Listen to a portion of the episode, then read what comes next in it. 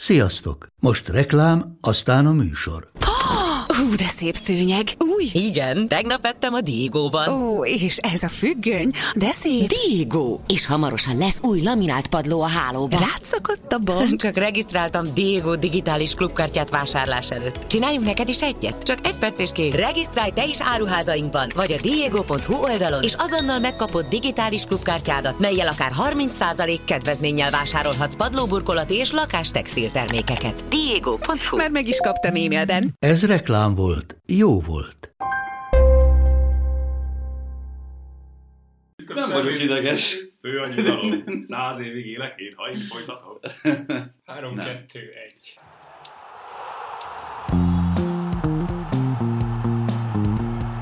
Ez a teljes terjedelem. Magyarország első futballpodcastja. A mai adásban Haraszti Ádám, Baumstark Tibor és Bognár Doma. És ezen a héten Tibivel és Tom Szerekkel veszük föl így hármasban az adást. Hogy fogják értékelni, csak hallják? Hát de tudják szerintem már, mert eh, ez most már Minden, minden lap címoldalot hozta le. így van. Hetek óta, hetek óta növeszünk. Önálló életre kelt. Mondjuk ez minden novemberben téma, mert minden novemberben most már csinálod. Nem, nem volt még ilyen. Nem volt még Nem, ilyen, nem, de hogy nem. nem. Jó, de ez csalás egyébként, mert úgy Igen. tudom, hogy úgy kell, hogy akkor kell elkezdeni Mert növeszteni. Tibi jól csinálta. Igen, növeszteni? Igen. De mondta, hogy ezt biztos, hogy nem vállalom, hogy én most teljesen simára borotváljam a pofámat, azt kell néznie mindenkinek, és akkor mellé még pörsönyen a munkásba, jössz egy hétig, a szakmunkásba jössz, úgyhogy ez, ez a megoldás lett. Ebben így tökéletes szerintem. Mi volt a hétvégén? Volt nekünk egy Luton Liverpoolunk itt tegnap este, azaz vasárnap este, Tibi, te kommentáltad, és nem szórakoztál annyira nagyon jól. Még ezt sem mondom, mert a vége az nagyon-nagyon izgi lett, meg nagyon-nagyon jó lett.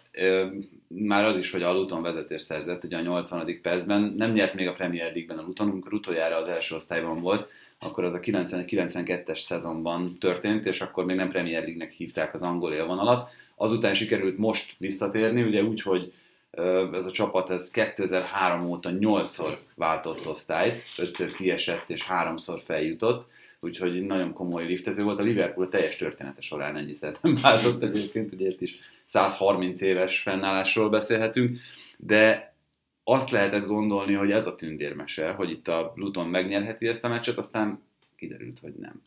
Elliot, jól teszi középre, Diaz! Luis Diaz, hát nem lehetett ezt másképp megírni ezt a forgatókönyvet. A kolumbiai, aki azért nem tudott játszani az előző fordulóban, mert borzalmas módon elrabolták a szüleit. És azért kapott lehetőséget ezen a mai meccsen, hogy egy kicsit elterelje a gondolatait ezekről a szörnyűségekről. Csereként beállva ő az, aki egyenlíteni tud, és úgy tűnik, hogy megakadályozza az első hazai győzelmét a Premier League-ben a Lutonnak. Luis Diaz. Libertad Egyszer- para papa. Ugye ez, Igen, ez mondjuk úgy is jó lett volna, ami összejött végül egy Parapapá, parapapát, igen. tehát hogy ennyi is elég volt, de hát nyilván a Libertad itt a lényeg. Jelenlegi tudomásunk szerint még mindig nem szabadították ki, és tehát, hogy ez, az, ez a helyzet maga elképzelhetetlen Igen, nyilván. 21. században Magyarországról. megtörténhet. Nagyon, nagyon, nagyon szürreális Hát az csak az egész. a baj, hogy közben meg egy Dél-Amerikában, hogy ezek kis tudáson napi szintű, tehát hogy például baseball sokszor emlegetem ebből a szempontból, hogy rengeteg latin-amerikai játékos van, közép-amerikai, dél-amerikai, és folyamatosan hallasz ilyen sztorikat. És nyilván ez azt is mutatja, hogy milyen állapotokban vannak ezek az országok, hogy milyen állapotok uralkodnak, hogy persze így hülyén hangzik, hogy ilyenre kényszerülnek valaki, de hogy ez megfordul embereknek a fejében, mert hogy ennyire kilátástalan sokaknak az élet, és ebben ez a legszörnyűbb valahol nyilván. Viszont nemzeti ügy a dolog, tehát ahogy halljuk Kolumbiában mindenki azt szeretné, hogy ez megoldódjon. Talán James Rodriguez volt utoljára ekkora nemzeti sztár, mint, mint most Luis Diaz. De hogy így valaki pályára lépjen, az megint egy másik történet. Gondolom, hogy napok óta, most már hete is. Tehát, hogy több, mint egyetemen. több mint egy hete, valószínűleg folyamatosan ezen rágódik. Mit tud ilyenkor csinálni? Aki azt mondja, hogy hogy lehet így pályára lépni, hogy az édesapját még mindig nem találták meg, az, az szerintem képzelje bele magát a helyzetébe. Nem lehet egyszerűen tétlenül üldögélni, mert Luis Diaz sem tud mit csinálni onnan Angliából. Érted, azt megőrül ebbe az egészbe körülbelül, így se lehet egyszerű tényleg tengetni a hétköznapi, de legalább tényleg valami elterelje a figyelmét ezekről a dolgokról, de hogyha ezzel járna egyfajtában a feje, akkor tényleg valószínűleg bábolondulna. Igen, csak hogy nagyjából végigmenjünk az egészen, hogy mi történt. Szombatról vasárnapra virradóan jöttek ki azok a hírek, hogy elrabolták az édesapját és az édesanyját. Az édesanyja kiszabadult, és a hét közepén ment vissza Liverpoolba, ugye hazarepült Kolumbiába, még az előző héten, tehát azért nem is lehetett ott a meccskeretben, még az előző Nottingham Forest elleni bajnokin. Hazarepült, utána vissza Liverpoolba, és két edzésen vett részt a héten, és Jürgen Klopp már a meccsölti sajtótájékoztatón azt mondta, hogy teljesen a játékosra van bízva a döntés, hogy egyáltalán része akar-e lenni a keretnek, akar-e játszani, hogyan áll ehhez az egészhez, és a meccs előtt is ezt megerősítette Klopp, azt mondta, hogy beszélgetett Diazzal, és azt mondta neki, hogy szeretne legalább a meccs idejére egy kicsit mással foglalkozni. Ezért is mondtam itt a közvetítésben, hogy itt arról szólt, hogy a játékos kérésére történt ez, hogy egyáltalán ő lehetőséget kapott, hogy elterelje a gondolatait, és hát mennyire meseszerű az, hogy végül is az ő gólja a 95. percben jelentette az egyenlítést a Liverpool számára, és nagyon-nagyon beszédes volt, nem csak az, hogy fölhúzta a pólóját, és erről megemlékezett, hanem az, és az egészen szívszorító élmény volt, hogyha valaki látta, ahogyan vége lett a mesnek, és térdre rogyott. És ott látszott, hogy, hogy ott akkor tartotta magát az egész meccsen, focizott, azzal foglalkozott, ami ott a dolga volt, de teljesen összeomlott és ezt eljöttek a Luton játékosok is vigasztalni, vagy nem is tudom, hogy mit lehet ilyenkor mondani, nyilván kitartást, meg sok erőt kívánni neki, tehát hogy nem, nem tudsz ilyenkor mit csinálni. Én, hogyha edző lennék, megmondom őszintén, hogy ilyen szintű érzelmi befolyásoltság alatt levő játékost nem feltétlenül küldenék pályára. De ez meg látott, tehát, hogy belőle meg ezt hozta ki például, érted, és ilyen szempontból meg Klopp meg nagyon jó pedagógus, meg nagyon jól ismeri valószínűleg a játékosok. Tehát, hogy ezt embere válogatja tényleg, hogy ki hogyan reagál egy ilyen szituációra. Ezek szerint tudnék, hogy Diázból még egyelőre a jobbik dolgot hozta ki. Volt egy másik dolog itt a hétvégén, mert hogy a Premier League-es srácok egészen pontosan ugye a Football című YouTube csatorna kihozott egy szoboszlai interjút, Sós már ott volt Liverpoolban, és hát az, hogy a mostani otthonában interjú volták meg Szoboszlait, ez egy óriási szó. Magyarul készült el az interjú, magyarul válaszolt Szoboszlai egy órán keresztül, meglepő nyíltsággal, meglepő szakmaisággal, mert hogy hasonló kérdéseket szerintem még csak nem is kapott. De miért meglepő? Öm, hát ennyi időn keresztül egy Premier League sztárt, egy sztárjátékost interjúvolni, szerintem De most teljesen Dominikról beszélünk. Nem, pont, hogy mondjam, tök jó látni azt, hogy uh, tényleg mennyien uh, látták már ezt az interjút, mennyien 200 ezer fölött van a megtekintés. Most, amikor beszélünk erről, nyugodjunk bele, hogy ez lesz még sokkal több is szerintem itt a következő hetekben, de hogy ennek az interjúnak szerintem a legfontosabb, hogy mondjam uh, azt szoktuk mondani, hogy a jó interjú egyik legfőbb komponens a jó interjú alany és hogy Dominik ebből a szempontból meg az lehet egyébként, hogy ilyen hosszan nem is tudtam még korábban egyébként megmutatni azt, hogy ilyen dolgokról is lehet vele beszélni, és így is lehet ö, vele beszélni, és nyilván ez Márknak is hatalmas érdem, hogy nyilván ebbe az irányba terelte a beszélgetést, és ilyen dolgokról volt lehetőségünk hallani Dominikot beszélni, de nyilván a, a legjobb ebben az egészben, hogy Dominikot hallod, és hogy igen, ez egy értelmes srác, és tud így beszélni, akár ilyen dolgokról is. Valóban kellett hozzá nyilván ez a millió is, hogy, hogy ilyen emberekkel beszélgessen, hogy akár tényleg még ilyen magánéleti dolgokat karcolgató témákba is nyugodtan vele mert menni, és mert pontosan tudta, hogy kikkel beszélget, és hogy mire számíthat tőlük. Ez volt szerintem ennek az interjúnak a nagyobb értéke valahol. 23 évesen. Hogy azt majd mindjárt ki fog derülni, már is meg, amit egy 22 volt még csak akkor. Ja, igen. Bocsánat, mert hogy gyorsan fölhívtuk itt egyrészt Sós Márkot, másrészt pedig Bocsák Bencét, aki volt már nálunk, ugye ő kint él Angliában, és hát többek között Liverpoolhoz közeli oldalaknak ír, a liverpool.com-nak, de hát több oldaltól kapott már felkérést, és több oldalhoz is dolgozik, úgyhogy ő pontosan tudja, hogy hogyan működik az angol sajtó. Mi is nagyjából azért sejtjük, de volt visszhangja ennek az interjúnak úgy, hogy angol fordítás még nem jelent meg, de meg fog jelenni erről az interjúról. Szóval hallgassátok meg, hogy mit beszéltünk Sós Márkkal és Bocsák Bencével. Sós Márkal és Bocsák Bencével beszéljük meg tehát azt, hogy milyen is volt annak a bizonyos szoboszlai interjúnak a fogadtatása, mert hogy az ismerősi körömben azért olyan emberek mondták azt, hogy látták ezt az interjút, akiktől nem számítottam volna rá, hogy ők valaha bármilyen focival kapcsolatos tartalmat megnéznek. Hát most az a helyzet, hogy megnézték ezt az interjút nagyon sokan. Márk, először is gratulálok hozzá, hogy, hogy ezt el tudtátok készíteni, nem akárhogyan, nem akárhol. Milyen volt számodra a fogadtatás? Mit szóltál hozzá?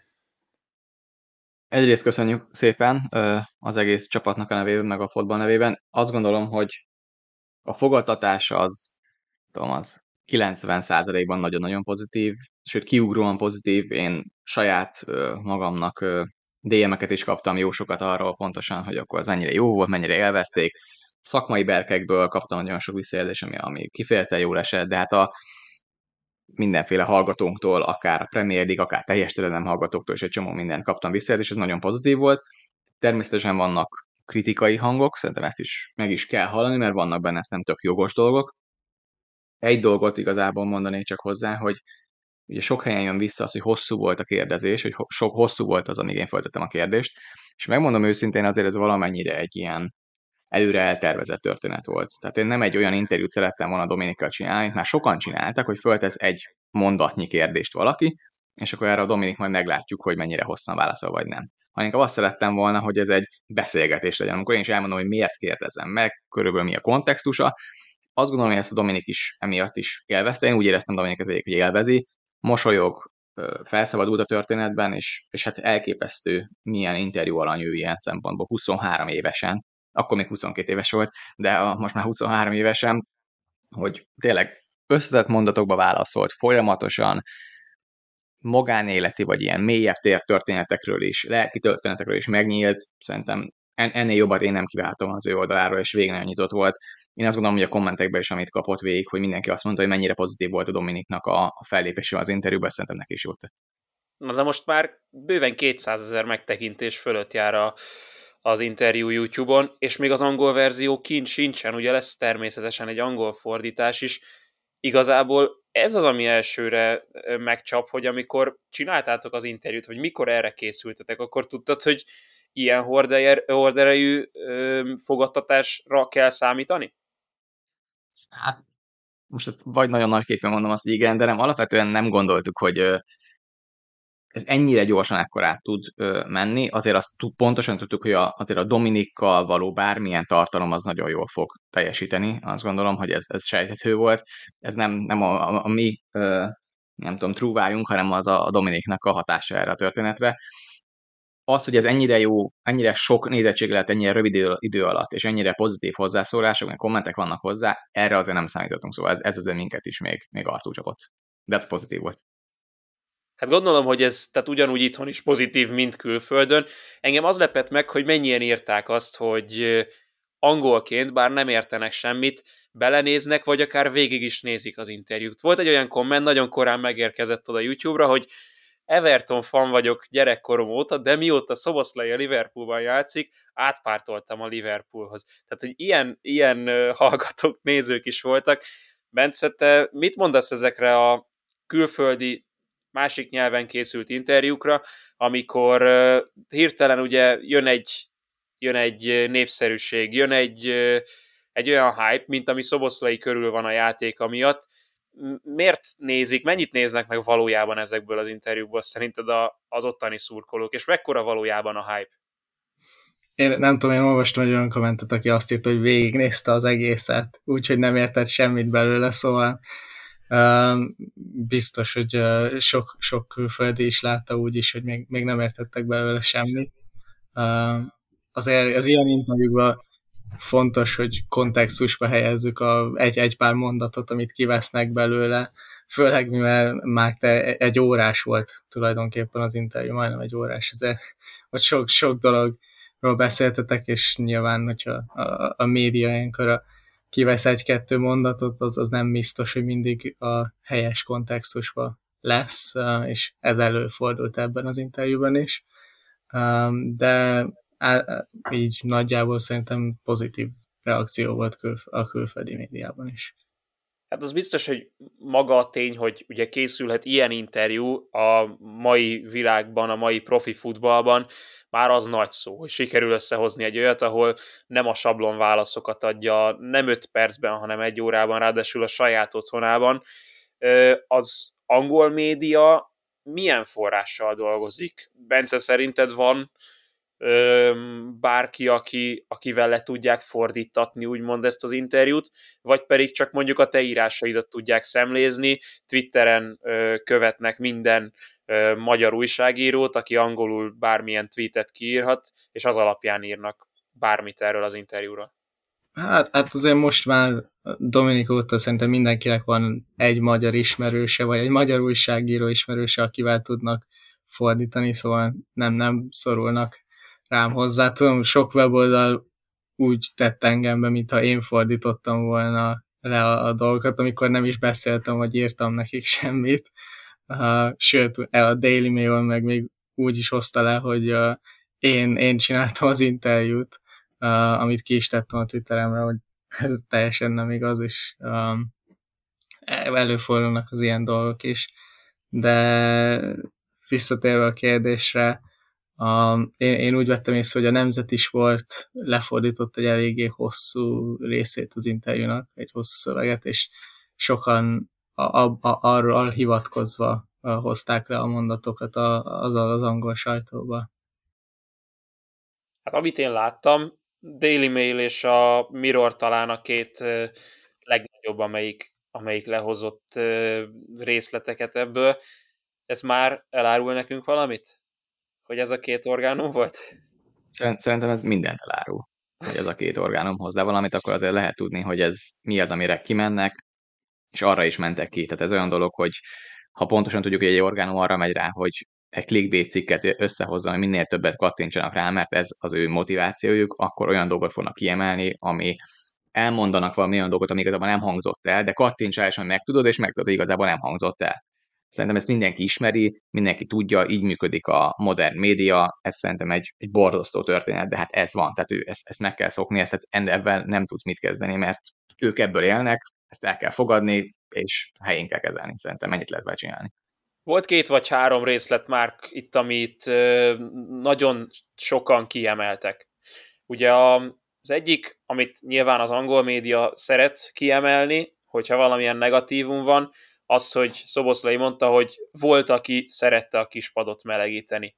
Volt ugye az, hogy milyen magányosnak érzi magát, és még néhány helyen láttam, hogy a Hollanddal való kapcsolatát és Holland módszereit ugye szerették egy kicsit kiemelni. Ezeket te ott interjú közben érezted, hogy, hogy na most valami nagyot mondott?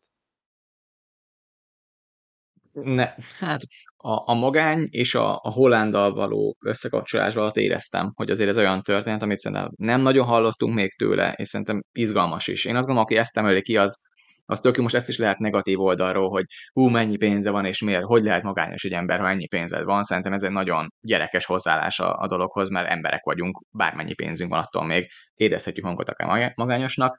A hollandavalók összekötés az szerintem érdekes olyan szempontból, hogy mi a véleménye erről Dominiknak, amiről nem beszélt, és nem hallottam még ezt ilyen nyíltan beszélni erről. De azt meg kell mondani, hogy abszolút nem éreztem, hogy ez valami hú, kulisszák mögötti titok, hogy ő mond egy ilyet a Dominik, hogy korábban volt olyan, aki, aki egyszerűen már amikor itt volt a Liverpoolban hamarabb, mint ő, volt olyan, aki nem akart minden áron bekerülni a csapatba. És azt mondta, ugye ezt is előtte egy mondat elmondja, hogy van ilyen a fociban, és akár még itt is előfordult Liverpoolban. Én nem érzem, hogy ez akkora nagy dolog lenne, és megint persze ez kiemelve arról, hogy a, lehet úgy is ezt fordítani, hogy Dominik beleszállt a volt csapattársaiba. Ugye így is lehet ezt mondani, és akkor hallgasson, mi van benne, majd belehallgatsz, és igazából nem szállt bele a volt csapattársaiba, vagy lehet úgy is fordítani, hogy a Dominik kimondta azt, hogy milyen jó az a Liverpool csapat, mert itt mindenki be akar kerülni a kezdőbe. Hát nem így fordították. Oké, okay, hát most ez van, mondom, er-, erre van a clickbait, hogy ha azt fordították volna, arra nem kevesebbek kattintottak volna, hát ezt fogadom. Ettől függetlenül tény, hogy ezek nagyon ö, új információk, tehát több is volt benne. Amikor már ott tartottatok, hogy kiteszitek az interjút, akkor nem aggódtatok azon, hogy ezt a Premier League vagy a Liverpool úgymond lesöpri? Nem, mivel megfutattuk náluk, tehát hogy ez ugye természetesen jóvá kellett hagyni a, a domain managementjének, jóvá kellett hagyni a Liverpoolnak, a Premier League az azt mondja, a Liverpool, hogyha beleegyezik, akkor már nem kell rajtuk keresztül mennie, de most ebben nem vagyok százszerzékig biztos, de abban biztos vagyok, hogy ez a két ö, csapat átnézte ezt az interjút. Volt is olyan rész, amit ki kell belőle szedjünk, amivel egyet is értettünk alapvetően, mert olyan történt, amit nem szeretne, akár, akár a csapat, akár a dominant managementje, hogy kikerüljön, és azokat ki is szedtük belőle. Tehát azért ez még, még így a nyers verzió kerül ki természetesen, de amiket benne hagytunk, azt gondolom, hogy ezek olyan dolgok, amiket azért megtudhatja a nagy közönség, hogy ez így volt. Hát Bence, neked azt hiszem, hogy rengeteg ilyenhez van szerencséd, azért a klubok és a Premier League sem szereti, hogyha olyan infó megy ki, amit ők nagyon nem szeretnének. Ebből a szempontból ez kirívó esetnek számít, ez az interjú például, vagy ezek az információk azért még beleférnek bőven, és, sok ilyen szokott lenni? Ö, hát ez a, a amiről eddig beszéltünk, ugye, hogy a, hogy is, hogy padmelegítő ők, ők voltak a Liverpoolban, ez szerintem azért is futott annyira sokat az angol médián, mert ez azért ritka, hogy bent tartják, vagy, vagy, vagy belefér. Ugye, ahogy a Márk mondta, általában, hogyha készítsz egy ilyen interjút, a Liverpool alaposan átnézi, és, és sok dolgot ki kell vágni belőlem. Csak egy kis példa, például amikor a Dominik Szingapurban volt, és, és készített interjút. Vele a média ott említette, hogy hány évesen csinálta az első tetoválását, a Gerard tetoválását, és azt a um, sok helyen meg akarták írni, de a Liverpool visszajelezte, hogy nem, ezt, ezt nem szabad, ezt nem szabad betenni, hogy hány évesen, mert Angliába a, annyi idősen illegális tetoválást kapni, és ezért nem akarták um, e, ezt betenni, szóval ilyen apró dolgokat is kivágnak, és e, ezért volt szerintem nekem meglepő, hogy ez például benne maradt de um, ilyen, ilyen szempontból szerintem ezért is futott annyira sokat az angol médiában, mert, mert nem, nem vannak hozzászok, hogy ilyen szintű dolg, dolgok bent, bent maradnak. Én azért annyit hozzáfűznék, hogy azért, hogyha egy egyórás interjúból ez a legrosszabb, amit ki tudnak szedni, és clickbait tudnak belőle csinálni, akkor szerintem örülhetünk ennek, hogy nem ez a helyzet, hogy valami, és azért amikor a Daily Mirror, meg a Daily Mail, meg a Mirror osztja meg, akkor azért érthető, hogy azért ez nem a legértékesebb orgánumok, aki jutott el a dolfin. Tehát, hogyha ezt a, nem tudom, a Sky Sports hozná le, meg a BBC hozná le az interjúból részleteket, hogy ú, micsoda jó sztorit el lehet itt mondani a Dominikról, akkor azt gondolom, hogy az ember föltetni a kérdés, hogy hát ez jó, hogy kikerült-e vagy nem. Szerintem a Dominikék se és a Liverpool se a, a Daily Mail és a Mirror olvasóknak a tömeges bázisára számít. Daily Mirror, ezt jól összefoglaltad, azok, igen, a, igen, igen. azok az újságok. Na majd, hogyha jön az angol fordítás, akkor a Sky Sports is szemlézi. Srácok, köszönöm szépen az időtöket, még így hajnaltájt is, és akkor várjuk az angol verziót, és várjuk, hogy ahhoz mit szólnak majd Angliában. Köszi szépen! A Daily Mirror, ugye? a, az a kettős, akitől vártuk, hogy... Black Mirror.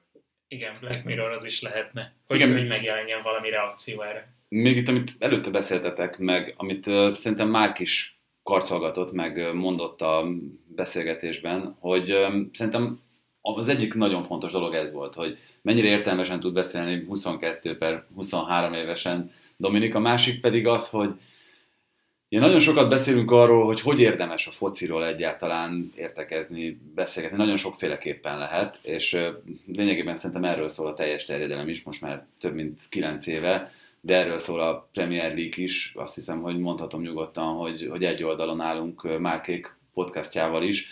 Egy kicsit másképp, vagy egy kicsit a... Szeretnék egy oldalon állni, de hát taktikailag azért... De az, az nyilván teljesen más, más célral készül. Pontosan ezt szeretném, igen. Tibi jól fogalmazta azt hiszem a mondat első felében a lényeget, hogy az, hogy hogyan beszélünk a fociról, az nagyon nem mindegy, és hogy látod, hogy lehet ilyen kérdésekről is beszélni, úgyhogy azzal ne zárják ki senkit közben, és hogy mindenki tudja érteni. Tehát nem hiszem, hogy persze voltak olyan dolgok ebben az interjúban Dominika, ahol kifejezetten arról beszéltek, hogy milyen pozícióban, milyen szerepkörökben használják Lop, és én egy pillanatig nem éreztem azt, de nem láttam ilyen kommenteket sem a nézők részéről. Túl szakmai így van, hogy bárki ne értette volna azt, hogy miről van szó ebben a beszélgetésben, és hogy igenis lehet játékosoknak is ilyen kérdéseket feltenni, és ez az, amiből lenne sokkal többre szükség, azt gondolom a magyar médiában, nem csak akkor, amikor játékosokkal beszélgetünk, hanem amikor egyébként mondjuk mérkőzésekről, mérkőzés szituációkról beszélgetünk, úgynevezett elemzésen. Igen, hát ez, ez egy teljesen érvényes, hiteles dolog, hogy a fociról így, ilyen módon is És ez a legjobban, hogy az az ember vindikálja, aki jelen pillanatban az egész magyar labdarúgásnak a legfontosabb szerepe. Az arca jelen pillanatban, a leghitelesebb, legfontosabb, legsikeresebb, és mondhatjuk, hogy a, a legjobb játékosa, nagyon-nagyon hosszú évek óta tényleg a legkiemelkedőbb tehetsége a magyar focinak, és azzal, ahogy, ahogy Márknak a kérdéseihez viszonyult, az ő téma felvetéseihez, az egyértelműen megmutatja a focinak azt a fajta komplexitását, amit rengetegen tagadnak. Sőt, kinevetnek, ö, ostobaságnak tartanak, hogy egyáltalán miért kell adatokról, miért kell pozíciókról, miért nem az akarás meg a lőtt gólok száma a legfontosabb, és a kizárólag tárgyalandó a fociban. Úgyhogy nekem ez ezért egy nagyon-nagyon nagy jelentőségű fontos interjú, és ezért nagyon nagy lépés szerintem abba az irányba, hogy ezt a stílust, meg ezt a más megközelítést, talán ez a legfontosabb ebben az egészben, ez sokkal szélesebb körben elterjeszti, és igen, tehát a kulcs ezen van, hogy lehet így is szórakoztatóan beszélni erről. Tehát nem az a legfontosabb szerintem ezzel kapcsolatban, hogy lehet így is beszélni, mert ezt tudtuk. Lehet úgy is beszélni szórakoztatóan, hogy nem a gügyögés meg a, meg a böffengetés szintjén zajlik ez a kommunikáció, hanem igenis komoly, fontos témákat beszélsz át. A foci egyébként rendkívül összetett jelenségéről. Amihez persze nyilván az is kell, hogy van egy olyan ember, akivel kapcsolatban jelen pillanatban te bármit jelentessél meg, az érdekelni fogja az embereket. Persze, hát e- e- ennek köszönhető talán ez a több százezeres megtekintés szám. Az jutott eszembe közben, hogy vajon a Libertadores kupa döntőjéről lehet-e így beszélni. Bencétől mindjárt meg tudjuk, hogy, hogy milyen, milyen is volt igazából a hangulat ennek a meccs. A Libertadores kupa egy teljesen futballőrült kontinens őrült döntője, úgyhogy én ennek megfelelően is ültem le a mérkőzés elé szombat este, de hát az, amit kaptam, az végül még ehhez képest is döbbenetes volt. Egyrészt Kezdve azzal, hogy a lelátón a Boca Juniors és a Fluminense szurkolói közül én az első perctől kezdve nem láttam, vagy nem láttam más csak olyan embert, aki vagy torka szakadtából ordított, magából kikelve, vagy pedig zokogott. Teljesen tök mindegy, hogy mi történt, csak zokogott a csapatáért ez már önmagában megadta az alaphangot, de aztán a játékosok is természetesen mellé tették azt, amit mellé tudtak tenni. Például az a John Kennedy, aki végül a győztes gólt szerezte a hosszabbításban a Fluminense részéről. Ő a 80. percben állt be csereként, majd a hosszabbítás első félidejében szerzett gólját követően sikerült addig ünnepelnie, amíg végül piros lapot kapott. És hát nem ő volt az egyetlen, aki ráadásul a kiállítás sorsáról jutott, és önmagában önmagában is egyébként az efféle jelenetek végig húzódtak az egész találkozón, emiatt nem okozott csalódást természetesen a Libertadores kupa döntője, de hát emellett még olyanokról is lehetett beszélni, meg lehetett koncentrálni, mint hogy Fernando Diniz, akiről mi is beszéltünk már azért a podcastben, rövidebb, hosszabb ideig ő nyerte meg végül a Fluminense-vel ezt a finálét, és hát volt egy ilyen taktikai vonulata is az egésznek, hogy mi győzedelmeskedett végül, de hát önmagában valami egészen szórakoztató élmény volt, és hát nem a foci miatt. Szeretjük Dél-Amerikát, tehát szeretjük Dél-Amerikát nyilván, de Most már, már elhangzott ma, hogy miért nem szeretjük, ugye? De pont akartam, hogy Tibivel volt bal szerencsénk Brazil meg Argentin bajnokikat közvetíteni egy időben viszonylag rendszeresen, meg Libertadores kupa meccseket is. Uh, igen, nem az effektív futball élmény az a kifejezés, ami elsőre eszembe jut ezekről a dolgokról. És ez nagyon furcsa azokról az országokról elmondani, amelyek meg egyébként ugye ellátják millió számra tehetségekkel az európai labdarúgást, de közben meg van egy Diniz, aki most tényleg úgy tűnik, hogy valami új dolgot tud mondjuk taktikailag is hozni így az egyetemes labdarúgásból, de közben rajta kívül nagyon kevesen vannak, akik egyáltalán hasonlóan próbálkoznak arra felé.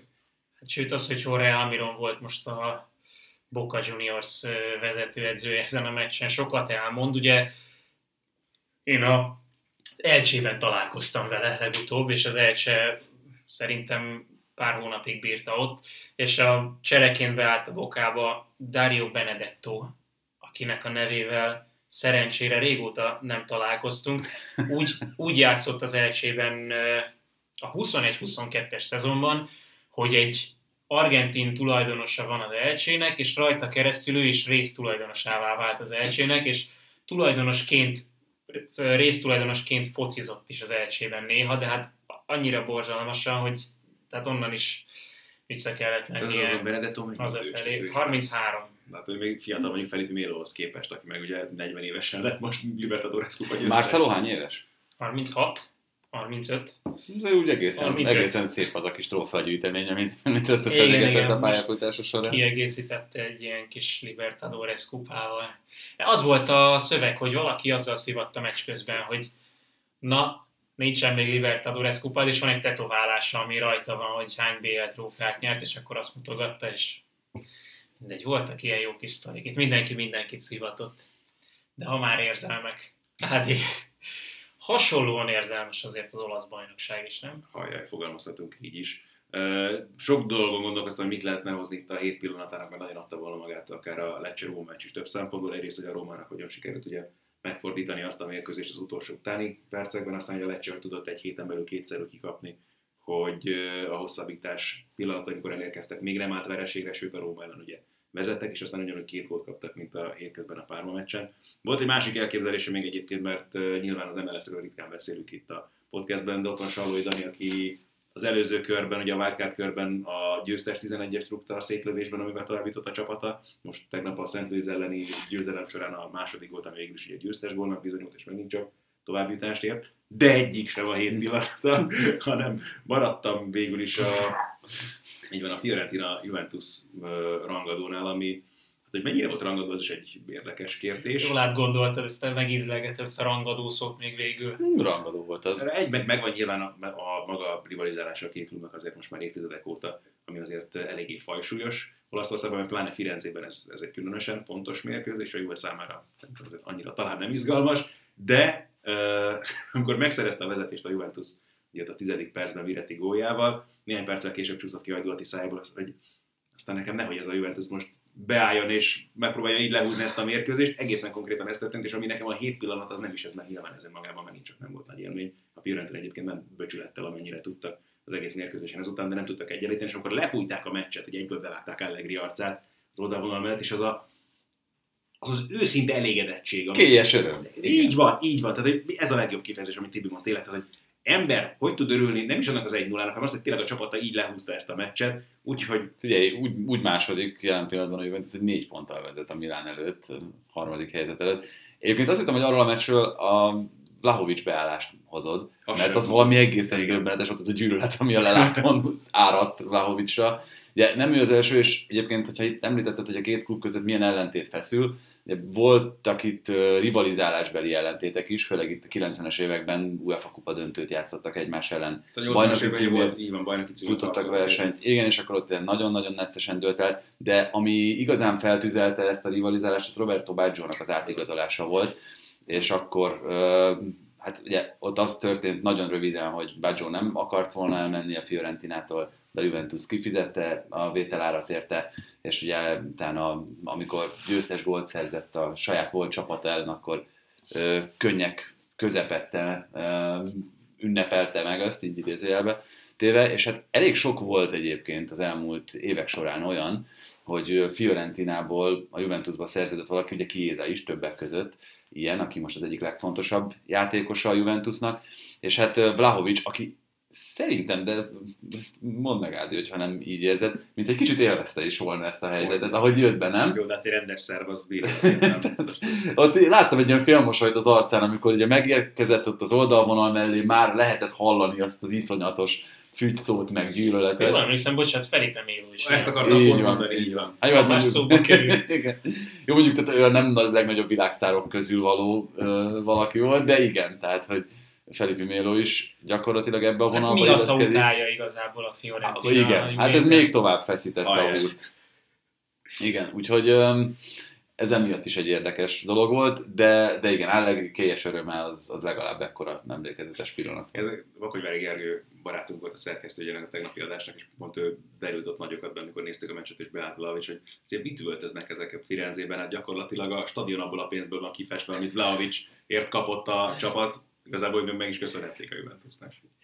Hát egészen más az, amikor mondjuk uh, Xavi örül. Bocsánat, csak azért egy- kanyarodjunk egy fél pillanatig vissza csak Allegri, mert ugye nagyon elmentünk itt a, a lényegétől tényleg ennek, a, ami, amiért nekem ez a hét pillanata volt, hogy annyira egyértelmű, hogy miről szól az ő taktikája, és hogy mi a legfontosabb, és hogy azon gondolkozom, hogy mm, talán Fülöp Laci mondta a közvetítésben, hogy ez ilyen klasszikus, tényleg ilyen 90-es évek szériájára emlékeztet, tehát hogy lő egy csapat egy gólt, és akkor szépen rájönnek az eredmény, szépen rájönnek az eredményre, de hogy ez működött, és hogy tényleg ez volt a célja Allegrinek, és hogy tud valóban így működni a 21. században is labdarúgó csapat eredményesen, aminek most, hogy örülünk vagy nem, az egy másik dolog, de hogy amikor arról beszélünk, hogy nem csak, valóban nem csak azt tud működni, valaki Hát 28 erről, millió passzal akar győzelmet elérni, hanem igen, ez is egy mód. Hát és úgy, hogy ráadásul a Fiorentina az egyik legprogresszívebben játszó olasz csapat, meg nagyon-nagyon támadó focit próbál erőltetni Italiánóval a csapat. De hát ugyanerről szólt lényegében a Luton Liverpool is a Premier League-ben, hogy a kis csapat a rendkívül pragmatikus, ugye az utolsó, azt hiszem talán 20 percben 5-5-ös védekezéssel próbálta meg a Liverpoolt megállítani. Tehát, hogy A kis csapat. öt, igen, öt hátsó védő és öt középpályás, mondjuk így, mert ugye a csatár is betagozódott, és egy ilyen dupla falat húztak a kapujuk. Egészen hízelgő a Juventusra ez a párhuzam, azt hiszem. A Luton Townnal. Azt akartam mondani, hogy a Barca is 1-0-ra nyert a hétvégén, azért az a Real Sociedad elleni szintén nevezhető nyugodtan rangadónak. Lefocizták a Barszát, de hogy a lefújás után az volt a helyzet, hogy a Barca játékosok is úgy, úgy ahogy örültek. Pedig a 90. percben fejelte Araujo azt győztes gólt, és, és olyan visszafogottak voltak a Barca játékosok, mert ők is érezték, hogy így az utóbbi Itt időben kapnak nem, majd Olaf Gündoántól. Hát ez volt itt is a látványos, hogy nem volt vezélye a Barszának. És pont jó volt, hogy megkérdeztük Egedi Gabit, aki ugye kint van Katalóniában edzősködik, és csinál nekünk tök jó helyszíni riportokat, meg interjúkat, és mondtuk neki, hogy Ferran Torres-től kérdezem már meg itt a klasszikó előtt, hogy ki az, aki a vezére ennek a Barszának. És Ferran Torresnek úgy nem volt olyan hirtelen egyértelmű válasza, de Araujót és Lewandowski-t mondta. Hm. Araujo ugye 24 éves, Lewandowski pedig most jött a csapatba, és tudjuk, hogy ő nem az a nagyon hangos típus. Tehát, hogy nincs, nincs igazán vezére ennek a Barszának. Ez volt leszűrhető Gündogan nyilatkozatából is a, a klasszikó után, de nekem nem ez a hét pillanata. Spanyolországból van ugyan, a Celta Vigo Sevilla meccsnek volt egy kis utóélete. Egy-egy lett, ott is volt dráma a végén. Annyi történt, hogy a hosszabbításban a Celta Vigo még nem nyert meccset otthon Benitezzel. És mivel centenáriumi évben vannak, minden meccs egy ünnep, és nagyon szeretnének nyerni. És most se sikerült, pedig a 90 akárhányadik percben, tényleg a legvégén volt egy lerántásnak tűnő eset, ahol Strand Larsen, a harmadik legjobb nor- norvég csatár, talpon is maradhatott volna, de le is rántották, nem volt egyértelmű, végül nem adták meg a 11-est. Benitez azt mondta utána a sajtótájékoztatón, elkezdett egy ilyen kis fizika órát, hogy hát az én ismereteim szerint az erő egyenlő tömegszer gyorsulás. Fizikailag lemaradt egy kicsit, de És, és akkor tovább magyarázta, hogy hány newton kell ahhoz, hány newton erő, hogy egy játékos lerántsanak. 10? 12? És ugye már volt néhány döntés ebben a szezonban, ami a Celta ellen ment, és most ez a, ez a következő szint volt, amire Benitez elment ezzel a nyilatkozattal. Hát én már nem tudom, hogy mi számít szabálytalanságnak, mi nem, de megint nem nyert a Celta otthon, és Benitez megint hozott egy olyan nyilatkozatot, ami, ami tényleg a, a top volt, a csúcs volt. mikor rendezték ezt a meccset? Ezt a Celta uh, Sevillát szombaton délután. Akkor még nem láthatta Ártetának az interjúját. a Nem, meccsen. nem, nem, nem, nem. Sőt, volt egy olyan, azt biztos ti is láttátok, hogy Aspas a VAR monitort Felborította, az és, gyönyörű. és hát a felborított, ami lehet, hogy óvatos szó is erre, tehát hogy konkrétan a Megsemmisítette. Földbe döngölte, amit azért keveset látunk, és én azt hiszem, hogy nem is látta a Spori, mert nem állították ki végül Aspaszt. Mondjuk szerintem ez nincs a szabálykönyvben. Hogy Ja. ha kárt teszel a VAR monitorban, az nem milyen. Nem tudom. Ez érdekes, Még. és nem tudom, hogy akarunk-e egyből csavarodni akkor esetleg erre az Arsenal Newcastle vagy Newcastle Arsenal meccsre meg annak az utóéletére, mert uh, viszont bárhogy is érezzen valaki egy ilyen szituációban, meg bármit is gondoljon igazságosnak vagy jogtalannak, de ahogyan Benitez nyilatkozott, az sem a legszerencsésebb, és akkor még finoman fogalmaztatok, az még Szerintem ez frappáns. Tehát, hogy Ez közepesen. De nem, hogy nem közvetlenül a játékvezetőket szidott, hanem Oké, okay, világ, de az még, igen, tehát ez még messze az istenes kategória. Amit azt válsz, mivel az már azt gondolom, hogy megengedhetetlen. Tehát Persze. teljesen tök mindegy, hogy milyen ideállapotban legyél, felnőtt emberként, pláne arról beszélünk, hogy neked milyen példát kell mutatnod labdarúgóként mondjuk a szurkolóknak, gyerekeknek, stb. megengedhetetlen. És egy kicsit átad a nyilatkozatával is így vagyok.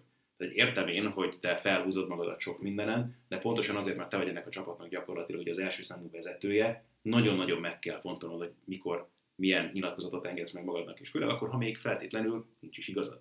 Tehát sok mindent lehet mondani ott arra a góra, valóban több ponton is ugye kérdéses volt, hogy szabályos volt-e vagy sem, de azt szerintem, hogyha valaki megnézte ott tényleg a felvételeket, akkor nem találsz egyik esetben sem olyan egyértelmű bizonyítékot a pályán született ítéletre, ami azt megdönthetné. Ezek után ilyen nyilatkozatot tenni. Még akkor is, hogyha nyilván sok mindennel egyetért az ember, mert valóban ami idén történt már a Premier League-ben játékvezetés címszólat, az tényleg botrányos, de most speciál itt mind a három esetben ezt a döntést kellett azt gondolom, hogy hoznia a mérkőzés bíróinak, meg a Varszobában ülőknek. Ezek után minősíthetetlenek gondolom azt, amit Árteta megengedett magának, mégis, hogy én őt nagyon kedvelem, nyilvánvalóan meg az ő munkásságát nagyon sok szempontból tényleg dicséretes, amit már előtt eddig is, de ezt te egy felelős vezetőként egész egyszerűen Főleg, hogy ez átgondolt nyilatkozat volt. Na, de és ez az pontosan, tehát hogy az, hogy ezzel te mit indítasz el, meg milyen érzelem hullámokat, és aztán még a klub is megtámogatja mindezt egy ilyen írott nyilatkozattal. Ez a döbbenetes számomra. Az botrányos. Szerintem ez arról szól, és azért is volt megfontolt, és ez egy nagyon fontos aspektus volt, amit itt mondtál, Doma, hogy ez átgondoltan született, mert egész egyszerűen Ártéta, mint ahogy egyébként erről már beszéltünk Guardiola esetén, meg az ő esetén is, hogy mindent okkal csinál. A játékot is úgy alakítja, hogy amit ő a legeredményesebbnek gondol, azért az látszott az első pillanattól kezdve, hogy van valami, amiben ő hisz, valamilyen játékfilozófia, bizonyos játékosoknak a szerepe, és azt, ha idő is kellett hozzá, de szépen végigvitte. Itt szerintem egész egyszerűen arról van szó, hogy megint csak a pragmatizmus, ebből úgy gondolta Ártéta, úgy gondolta a klub, hogy ha ezt a nyilatkozatot teszi, azzal rövid és középtávon előnyhöz juthat az Arsenal. Tegyünk hozzá valamit, ugye nagyon szívesen hangoztatják az Arsenal szurkolói, és, és nagyon fontos a klub filozófiai szempontja, ugye korábban rendszeresen kim volt, hogy ez a transzparens, nem tudom, hogy kim van az Emiratesben, hogy you cannot buy class. Hát ez minden csak nem class, és amikor José Mourinho-t fikázunk hétről hétre a hülyeségei miatt, és röhögünk rajta. De ez ugyanaz, ugyanaz pontosan, a. Így van, pontosan ezt akartam mondani, és ide azért még korábban ez a klub nem nagyon süllyedt le, és ez mindennek nevezett, és főleg egyébként egy olyan meccs, ahol azért ott volt Kai Havertznak is a belépője, ami azért ugye szintén egy érdekes szituáció volt, volt persze a másik oldalon is hasonló, ugye, Bruno Gimenez részéről, de hogy ezt, én azt gondolom, hogy aki azzal a móddal, ahogyan eddig ezt a klubot vezették, meg amire felépítették, meg ami tényleg ennek a klubnak a filozófiája egyetértett, az ezzel nem tud egyetérteni.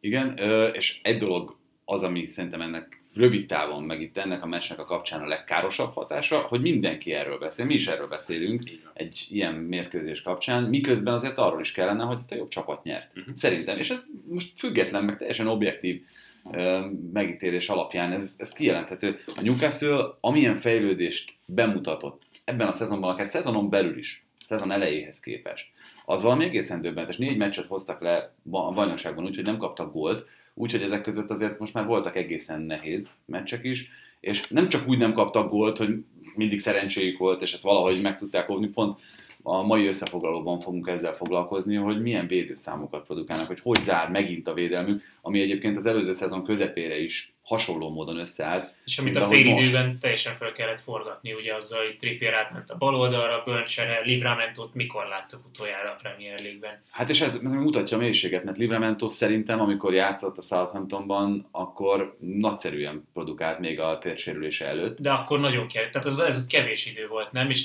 nagyon-nagyon fiatal hát egy, volt. Igen, egy szerintem egy 20 meccses időszak azért. Aha. Úgyhogy de az látszott, hogy ő egy nagyon-nagyon tehetséges jobb hátvéd, egy kicsit ez a sérülés ez, ez keresztbe törte a pályafutását, most megkaphatja egyébként az egyik legfontosabb Newcastle játékos Trippier mögött a, a lehetőséget arra, hogyha mondjuk akár egy ilyen sérülés, vagy bármi más beüt, meg egyébként annyi meccse van a newcastle hogy meg fogja kapni az esélyt, és hát nem lehet eleget dicsérni, most itt megint nem akarnék belemenni abba, hogy milyen pénzből, meg hogyan, de nem lehet eleget dicsérni azt az építkezési folyamatot, ami a Newcastle-nél zajlik, és nekem ez, ez esik kicsit rosszul ebben az egész Arsenal kapcsolatos, Arsenal meccsel kapcsolatos, kapcsolatos narratívában, hogy, hogy mindenről beszélünk, csak éppen arról nem, hogy mennyire iszonyatosan jó és erős csapat ez a Newcastle, amelyik a Premier League egyik legerősebb csapatát tudta felülmúlni. És pont ezt akartam mondani, hogy ebből a szempontból kicsit más irányba tekert, hogy a filmet Náti a BBC-nek a vezető futballszakírója a saját jegyzetében a mérkőzés után a diskurzus, de hogy amikor Árteta a felelősségre akar vonni játékvezetőket, hogy ne menjünk el a mellett sem, hogy lehet, hogy azért neki is jár némi nemű felelősségre vonás azután, hogy milyen döntéseket hozott erre a szezonra, egy olyan csapattal kapcsolatban, amely nagyon jól működött tavaly. Nyilván, hogyha nincs az a Szaliba sérülés például, akkor fene tudja, hogy hogyan megy ki például a szezonnak a vége, de ez képest ugye próbált persze javítani nyilván a csapat a játékán, de hozott olyan döntéseket, amelyek egyelőre nem látszanak ülni. És nyilván, amikor persze nem erről beszél, hanem mondjuk a játékvezetőkre próbálja ráterelni a figyelmet, akkor lehet, hogy erről is próbálja ráterelni a hangsúlyt, például egyelőre David Raya beállításáról sem mutatjuk azt, hogy az a tökéletesen elsült döntés lett volna, és lehet még egy pár dolgot felhozni ezzel kapcsolatban, nem akarok neki menni átletának ebből a szempontból a félreértések elkerülése véget, csak hogy azt is mutatja, ahogyan mondjuk megint csak Mourinho-t emlegettük, hogy szereti átterelni bizonyos dolgokról mondjuk a figyelmet, itt is, mint hogy egy kicsit ez lenne a helyzet. Ami persze a saját játékosai szempontjából meg egy érthető dolog, meg működőképesnek is hat, és lehet, hogy ez inkább akkor szól az öltözőnek mondjuk ebből a szempontból, hogy ne Nekem is a felelősségüket firtassák, meg mondjuk ne ártett a felelősséget azzal kapcsolatban, hogy akkor most hogy rakta össze ezt a csapatot, vagy hogy működik ez a csapat, vagy hogy nem jelen pillanatban, de ezzel együtt is mondom, tehát nem a legfinomabb, ami eszembe jut ezzel kapcsolatban, nem tartom szerencsésnek azt, hogy valaki így nyilatkozzon, ennek a klubnak a vezetőedzőjeként egy meccs után. Ha már edzői döntések, meg úgy is gondolom, hogy Tomás Tuchel irányába fogunk tovább menni, de még egy dologra kíváncsi vagyok, hogyha már Premier League-nél tartunk. Edzői döntés, vagy orvosi stáb döntése, ezt nem tudom pontosan, de nagyon érdekes volt, a hétvégén közvetítettem a Fulham Manchester United meccset, amelynek az első percében, a 20. másodpercében volt egy olyan eset, hogy Maguire belefejelt a vele éppen birkózó csatárnak a, a 15. másodpercben. Hát körülbelül igen. És én nekem nem volt ez teljesen nyilvánvaló, most a Totaliben beszéltek erről, Sasha Gorinov ott volt a, a meccsen, volt ott egy pár ilyen nagyon-nagyon bizonytalan megmozdulás a maguire utána, és teljesen nyilvánvalónak tűnt a helyszínen lévők számára, hogy, hogy ott volt egy agyrázkódás, amitől gyakorlatilag a mozgásán is látszott, volt ott egy nagyon-nagyon messze eladott labdája Maguire-nek, meg egyébként is az látszott, hogy azért megfogta őt ez az eset.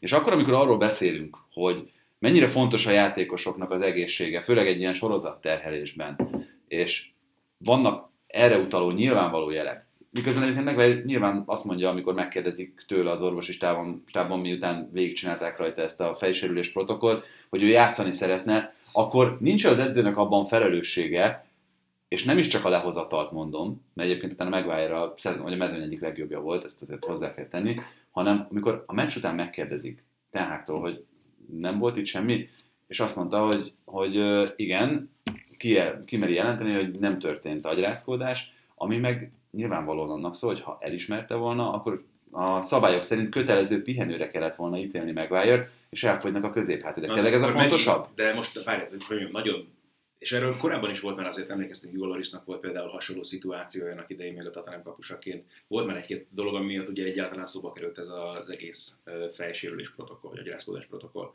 Mint olyan, ami egyébként más ligákban működik, és elég, elég, elég komolyan veszik NBA-ben, NFL-ben, még a baseballban is. De hogy ezt nem tudom továbbra sem megérteni, hogy itt miért a klubnak az orvosa dönt erről a dologról, hogy miért nincsen még mindig úgy, mint a boxban egy olyan bíró, vagy egy olyan orvos, aki ki van rendelve, és aki az ilyen helyzetekben oda megy, és megnézi, hogy mi a helyzet. Mert pontosan erről van szó, hogy klubérdekek döntenek ilyenkor. Hát ha a klub alkalmazottja az orvos, aki megvizsgálja, ő nem fogja azt mondani, hogy ah, ő nem játszott. Nyilván persze kellene, meg egy ideális világban nyilván azt mondaná, meg vannak olyan szituk, amikor az orvos azt fogja igenis mondani, már pedig ő nem fogja engedni, hogy ez tovább menjen. De Akkor hogy megint ez... van egy bűnbak, akit elő lehet. Legyen az, hogy az ellenfél orvosa vizsgálja meg. Ne, hát pont ez az, hogy ez kell. és akkor minden esetben négy csere. De egy, miért nincs egy olyan orvos tényleg, hogy ott van mérkőzésen, és ez a feladat, aki független, a liga által alkalmazott, és akkor ő ezekben a szituációkban oda megy, elvégzi ezeket a vizsgálatokat, és ő elmondja, hogy most akkor a játékos folytathatja, vagy sem a játékot. Mennyit kéne neki fizetni ahhoz, hogy mindig azt mondja, hogy döntsenek inkább. A... Jó, de ezért ez az erről a játékvezetőnek is mennyit kell fizetni azért, hogy mindig azt mondja, hogy érted, tehát, hogy én értem. A, a játékvezetőnek ebben a helyzetben nincsen döntési jogköre, tehát itt most vagy azt mondja az orvos, hogy végig csinálják ezt a protokollt, így van, és azt mondja, hogy alkalmas a játékra, akkor el kell, hogy higgye, hogy alkalmas a játékra. Nyilván fogalmazhat meg ő is magában kétségeket, hogy pff, tényleg öreg. Voltam első segélytanfolyamon. Nem így néz ki, amikor De ez, van minden. Ez, ez szerintem egy, egy nagyon rossz irány, meg egy nagyon rossz. Tehát, hogyha De tényleg, akkor már tényleg ott tartok, hogy mondjuk az utánpótlás edzéseken ugye Nem lehet fejelni, Így igen. van, tehát hogy akkor ezt miért nem veszük ennél komolyabban még mindig, és akkor megint a Premier League-ről beszélünk, amelyik ugye akkor Ja, bocsánat, ez volt a másik dolog, ami egyébként eszembe jutott át a nyilatkozatával kapcsolatban, volt, hogy it's a disgrace, Didier Drogba, amikor magából ki kell üvöltött. Igen, csak ő még egy másik szót is használ. Így van, így van, így van. Tehát, hogy nekem egy az egyben az ugrott be arról a szituációról. Nagyon élvezem így kívülállóként ezt a Newcastle Arsenal újraélesztett, vagy nem újraélesztett, hanem, hanem hirtelen jött rivalizálást, és alig várom a tavaszi, tavaszi Hm. összecsapást. Tehát, na mindegy, ugorjunk erről. Méghozzá egy másik edzőre. Jaj, zseniális volt ez a válogatás, amit egy Tuchel Cam nevű Twitter vagy X oldal hozott. Ugye a meccs előtt is már azért ö, Mateuszékra meglehetősen mérges volt, ugye az Saarbrücken ellen kiestek egy hétközben egy harmadosztályi csapat ellen a német kupából. Ott, és már korábban is mondta Mateusz azt, hogy mintha elveszítenék kicsit az öltözőt ö, Tuchel, tehát volt egy olyan megszólalása, hogy játékban nem lépett előre a Bayern Tuchellel. És erre Tuchel megsértődött. Nem Megsértődhet egy edző, vagy, vagy egyáltalán mit, mit csinál? Ez, ez sem az elegancia. Hát Tehát nagyon. erről, erről sem de most, de most tényleg erről mi, mi az első szó, ami eszetekbe jut Tuhának a viselkedéséről? Nekem a sértődés. Egy gyerekes volt. Pontosan, nekem az egy sértődött hülye gyerek. Most komolyan, de és te tényleg egy felnőtt emberként megengeded magadnak ezt a viselkedést kamerák előtt. Még ha igazad is van. Mert azt meg tegyük hozzá nyilván, amit Lothar Matthäus szakértőként művel, majd kerestem más szót, aztán inkább nem használtam. Itt azért az utóbbi évben Németországban. Lothar Matthäusnak van egy elismertsége, meg egy renomé, ami az ő fantasztikus játékos pályafutásából származik, de azért ott sem... Hát volt. meg az az edzői pályafutás. Ó, hajjaj, micsoda eredmények, igen.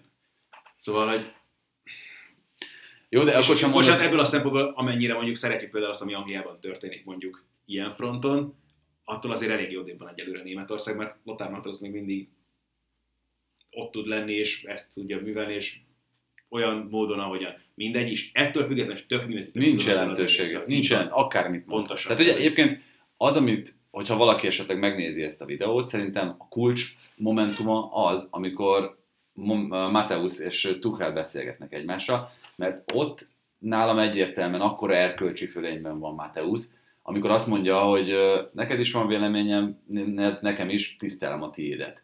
És ennyi, tehát ennyit kell mondani, kész. Van, van egy vélemény, miért nem lehet ezzel vitatkozni? Indokold meg, Értelmesen, támasztod a igen. sajátod, és erről szól valahol. Ez a super- modern-.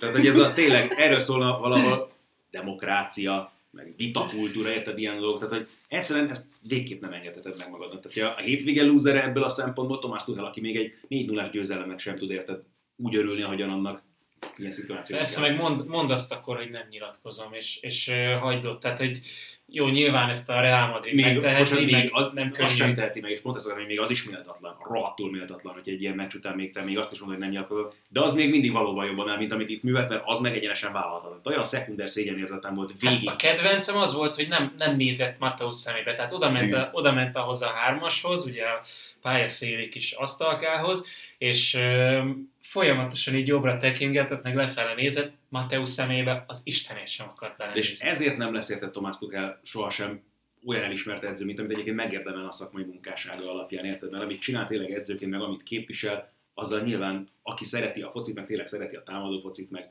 a modern focit, az maximálisan elismeri és egyet tud érteni vele, és de ezzel nem tudsz, ezzel lehetetlenség, érted? Értelmes ember, hát mondom, kifutottam azért a tévjelöl, érted, amikor láttam ezt a videót. Hát és a legméltat, tehát nem is az, hogy kitépi a füléből a, a fülmonitort az interjúnál, ledobja a mikrofont az asztalra, elmegy, és utána, nem tudom, hogy mennyi idő telt el pontosan a sajtótájékoztatóig, amikor megint előhozza ezt, és még egyet belerúg Mateuszba, meg ugye Didi Hamán volt a másik, aki nem volt most ott a, stúdióban, de belerúg, hogy kérdezzék meg őket, mert ők el tudják mondani, hogy mitől nem léptünk előre játékban. Mert ennyi volt egyébként, tehát Mateusz ennyit mondott, hogy a Bayern szerint Tuchel nem lépett előre játékban. De Ami akkor ezek most- szerint Tomás Tuchelnek számít Lothar Matthäus vélemény, ami megint csak egy vicc, érted, mert edzőként meg hát hol van hozzá képest, érted? Tehát, hogy ez a, a sas nem kapod legyek után, nem? Tehát, hogy de akkor ezek után mit gondol magáról Tomás Tuchel? Tehát ez is neki is van egy, nem tudom, nagyon erős kisebbségi komplexus ezek szerint, hogy Hát már És- pedig a Bayernnél lesz nyomás. Van nyomás, lesz nyomás, volt nyomás, tehát hogy ott nem tudod elkerülni ezeket. És de ez tényleg ez nem nézett a szemébe. Volt már olyan, amikor ő kifogásolta ezt, hogy miért nem néz más a szemébe. Ja, igen, igen. Úgyhogy Itt most akkor mit szól Conte? Na mindegy, hogyha valaki el tudja küldeni Lőv Zsoltnak ezt a részletet, azt tegye meg, kérlek, és akkor várjuk a, várjuk a választ Zsolttól. Nem, hát Zsoltot nem szekáljuk ilyenekkel.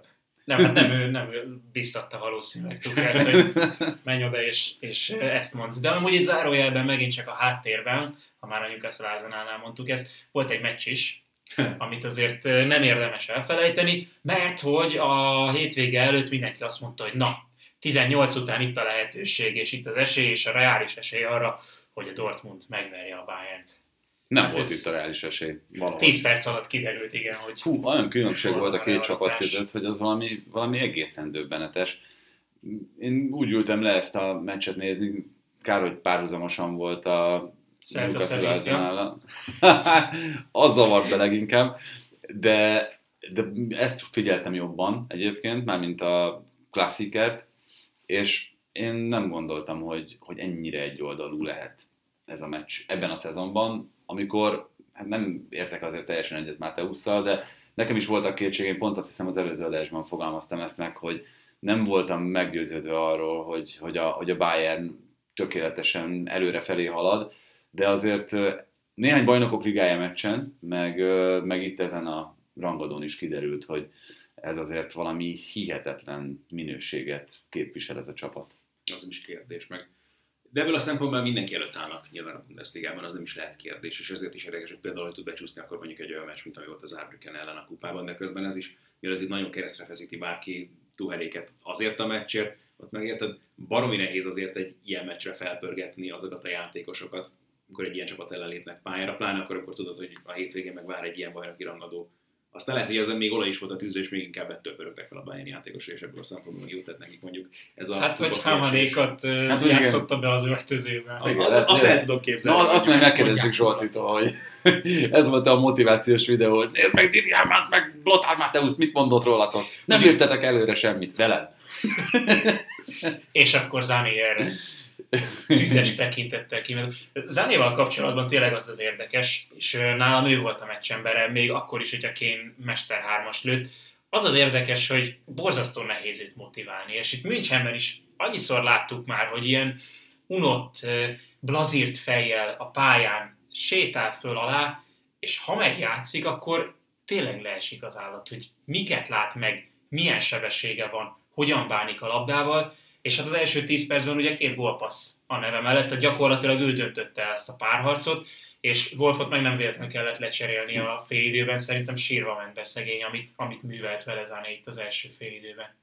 Nem tudom, hogy elbeszélgetette Zanéval azért bárki arról, itt mondjuk a Müncheni időszaka kapcsán már, hogy azért lassan el kell gondolkozni rajta, hogy tök jó, hogy itt sem működnek feltétlenül a dolgok, de akkor mi lesz vele, és hol képzeli el a további pályafutását, meg nekez, akkor nyilván, hogyha a Bayernből kikerült volna, meg elveszítette volna itt a bizalmat maximálisan, akkor neki tényleg Szaudarábia marad, mert aztán elgondolkodott rajta, hogy arra vágyik-e vagy sem. Nem tudom, hogy ez volt a motiváció mögött, vagy ez, ez áll neki itt a feltámadása hátterében, de ez kétségtelen, hogy az idei teljesítménye azért megint csak azt a játékos kezdi idézni, akit még annak idején megvette a Manchester City. És ugye ezek után is áll a tény, hogy a Bayern úgy, nyert- úgy nyert 4-0-ra, hogy ö, 30 pontból 26-ot gyűjtött be, tehát a rossz kezdés ellenére, 38 gólt lőtt 10 bajnokin. Még a múltkori Darmstadt elleni 8-0-val együtt is ez ugye nagyon közel van a 4 gólos átlaghoz. Harry Kane pedig 10 bajnokin 15 góllal nyitott, ami hát Lewandowski simán maga mögött hagyja. Már Jó, bocsánat. Majd lá, várjuk meg, hogy ez meddig fog kitartani, meg ugye Harry Kane esetében, ami Robert Lewandowski is azért sokszor felmerült korábban. Mondok Nem, hogy durvábbat, mikor van- már Girassit is megelőzte a gólja, Igen. Isten. Hát szegény Girassi megsérült. Na pont ezt Így akartam, nem hogy ez nehéz. Harry Kane-nél is bármikor benne van a pakliban azért ez is. Hmm, hát azért ugye, volt neki ez a krónikus boka sérülése Mhm. még néhány évvel ezelőtt, de azért az előző szerintem kettő, de lehet, hogy három szezont azt végigjátszotta. Tehát ott ugye pont a bajnokok ligája a döntővel zárult évben volt az, hogy ott még éppen valahogy össze tudták toldozni, foltozni, akkor is egy bokasérülésből a BL döntőre, de egyébként szerintem azóta nem volt komolyabb sérülése Harry Kane-nek. Ami azt jelenti, hogy Ami azt jelenti, hogy ö, szerintem... Jövő a következő. Nem, nem, nem. Szerintem ez pont, pont a Márk által készített ö, Dominik interjúban hangzott el, hogy ezt milyen módon meg lehet előzni most már a jelenlegi tudományos elképzelések mellett, és nekem is ez a tapasztalatom, hogyha erre egy, egy játékos gondot kezd fordítani, mint ahogy Salah merült föl ugye ez, ennek kapcsán, 28 évesen kezdett el komolyabban foglalkozni ezzel a prevencióval, ami azért szerintem egy nagyon-nagyon beszédes dolog, hogy, hogy még akkor is mennyit tud fejlődni, és tényleg ezzel kapcsolatban személyes tapasztalataim is vannak, és hihetetlen, hogy az embernek az egyensúlyérzéke, különböző izmok megerősítése mennyit tud segíteni abban, hogy, hogy mondjuk ami korábban mondjuk előfordult, hogy fut, és akkor mindig van egy-egy rossz lépés, meg... Steph Curry ebből a szempontból tökéletes példa, akinek a pályafutás eleje szintén tele volt ugye ezekkel a bokasérülésekkel, meg már cipőt változtatott miatt, meg is ugyanez volt, amikor elkezdett másként edzeni, találkozott egy olyan edzővel, aki ezekre figyelt oda, és tényleg idézőben átalakították kicsit a testfelépítését, azzal, hogy megváltoztatta ő is a saját edzés munkáját. Igen, persze, ezek nagyon fontos dolgok tudnak lenni ebből a szempontból is. Tehát, hogy el, simán el tudom képzelni azt is, hogy, hogy Harry alapvetően nem egy sérülékeny játékos, most már aztán különösen nem, az nem lehet csak a véletlennek a műve, hogy egy olyan játékos, akit azért az ellenfelek folyamatosan próbálnak faragni, felrúgni, utolérni, ütemtelenül szerelni, az gyakorlatilag végig tud játszani teljes szezonokat kihagyás nélkül lényegében. Azért az, hogy ő hogyan szedte szét a Dortmund védelmet, szerintem botrányosan gyengének tűnt ez a Dortmund védelem. Most úgy, hogy a múltkor meg ugye Newcastle-ben nyertek, és tényleg nehéz a helyére tenni ezt a csapatot. 2023-ban ugye a naptári évben ők szerezték a legtöbb pontot Európában. Úgy kezdték ezt a szezont, hogy Bochum döntetlen, Heidenheim döntetlen, már arról cikkeztek az első válogatott szünetben, hogy terzésnek viszlát, aztán jön egy nyerő sorozat, egy hihetetlen nyerő sorozat, és most egy ilyen meccs. Tehát, hogy kicsit az az érzésem, mint a szokásos mémben, hogy elől egy Ferrari, hátul meg valami Lada. És Wolfal a túloldalon, Riersonnal, Hummels sebességével, akiről jókat írtak, nem láttam annyit a Dortmundot idén, de hogy jókat írtak, de ez a sebesség, amit itt próbált tartani Kénnel, Zanéval, Musialával, hú, ez, ez nagyon gyenge. Hát ehhez a szinthez képest, tehát ezt, ezt tegyük hozzá, hogy azért ilyen tűzerővel ilyen minőségű játékosokkal nem találkozik csak egy szezonban egyszer a Bundesligában. Ez egy érdekes dolog, hogy a Dortmundnál, és ez is mutatja, hogy akkor mi a, mi a cél, vagy tök jó dolog, hogy van egy Mats Hummels, aki egyébként meg borzalmas komoly rutin hoz magával, és egy érdekes akartam, hogy van komoly múltja ugye a klubnál is, de hát azért hogy abban is belejátszott mondjuk neki a Müncheni ugrálások. Um, tehát, hogy mi a, a cél, vagy mit mond el a célkitűzéseidről akkor, amikor mondjuk tényleg ilyen játékosok játszanak a védelemben, mondhatjuk ezt erről a Dortmundról, hogy valóban a bajnoki cím nekik a céljuk? Alig ha. Az, hogy ők ott legyenek a bajnokok ligájában, körülbelül ez, erre is van kitalálva ez a keret. De szerintem tavaly is ez volt, nagyon hasonló volt a helyzet, aztán egy olyan szituba találták magukat, hogy hoppá, csak el kéne vennünk azt a tálcát, amit ide raktak elénk. Valahol ez is mutatja, hogy reálisan tavaly sem lehetett nekik a célkitűzésük, és ez alapvetően a Bayernen múlott, hogy idáig fajultak a dolgok az előző szezonban, és nyilván most meg aztán végig messze vannak attól, pláne, ha megnézzük ugye a Bayern Leverkusen teljesítményét, hogy valóban felmerülesen a nevük a bajnoki címmel kapcsolatban. Na melyikkel szeretnétek zárni a magyarokkal, vagy inkább a Leverkusennel? A Leverkusen kellemesebb a magyarok, mert ez csak igazából tényleg ilyen most úgy tűnik, hogy nem jó feltétlenül magyarként Bundesliga játékosnak lenni, mert olyan pech sorozat hullám megy végig gyakorlatilag mindenkinek, aki ott van, hogy az a, arról nehéz nem csak okkult fogalmak mentén beszélni. Számomra Gula a legnagyobb kérdés, hogy neki mi lesz a, a megoldás ebből a, hát nem is tudom mi ez, lejtőből. Kell neki sérteni, egy baromi hosszú sérülés után van visszatérőben, oké, persze nem került vissza egyből a kapuba, van egy olyan csapattársa, aki alapvetően megérdemli azt hiszem a bizalmat az eddig teljesítmény alapján, de nem, nem hiszem, hogy ezt neki most kellene, akkor pláne ennyi évvel a háta mögött itt Lipcsében, akkor most decemberben az a nagy Már pedig nekem akkor mi lesz a pályafutásommal. Kíváncsi vagyok egyébként, vagy kíváncsi lennék, hogy ő hogy gondolkodik erről a dologról, de szerintem van is olyan helyzetben Lipcsében azért örvendően elismertségnek, van annyi a háta mögött, hogy nem most kelljen ezen neki agyalnia. Nem tudom, hogy hogy zajlik ezzel kapcsolatban mondjuk bármiféle kommunikáció közte és Rózek között közte és a klubvezetés között. Ez egy izgalmas dolog mondjuk, hogy mi minden történt ott a Lipcsei klubvezetésben ugye az elmúlt hónapokban, de szerintem azért talán még most nem tartott, hogy mindenféleképpen menekülni a Lipcséből. Szerintem is türelem. Egyrészt, másrészt meg ha valaki tényleg itt már többször esett szó, akár Szoboszlai Dominikról, akár csak hogyha úgy unblock figyeljük a magyar focinak a feljavulását, meg akár itt a válogatott szinten való előrelépését, abban szerintem elévülhetetlen érdemei vannak Gulácsi Péternek, az ő profizmusának, az ő hozzáállásának, az ő gondolkodásának, mert az, amit, az a szemlélet, amit például Dominiktól hallhattunk, az nekem nagyon sok helyen rímelt azzal, amit egyébként korábban én csak szinte Gulácsi Pétertől hallottam ilyen nagy mennyiségben megjelenni a gondolkodásában, akár a futball komplexitását, illetően amit már korábban beszéltünk. És hát a másik, most tudom, tudom hogy ez ilyen nagyon ö, bagatelnek hangzik, amit mondok ezzel kapcsolatban, de ugye azt szokták tényleg mondani, és ez, ebben szerintem azért van némi igazság,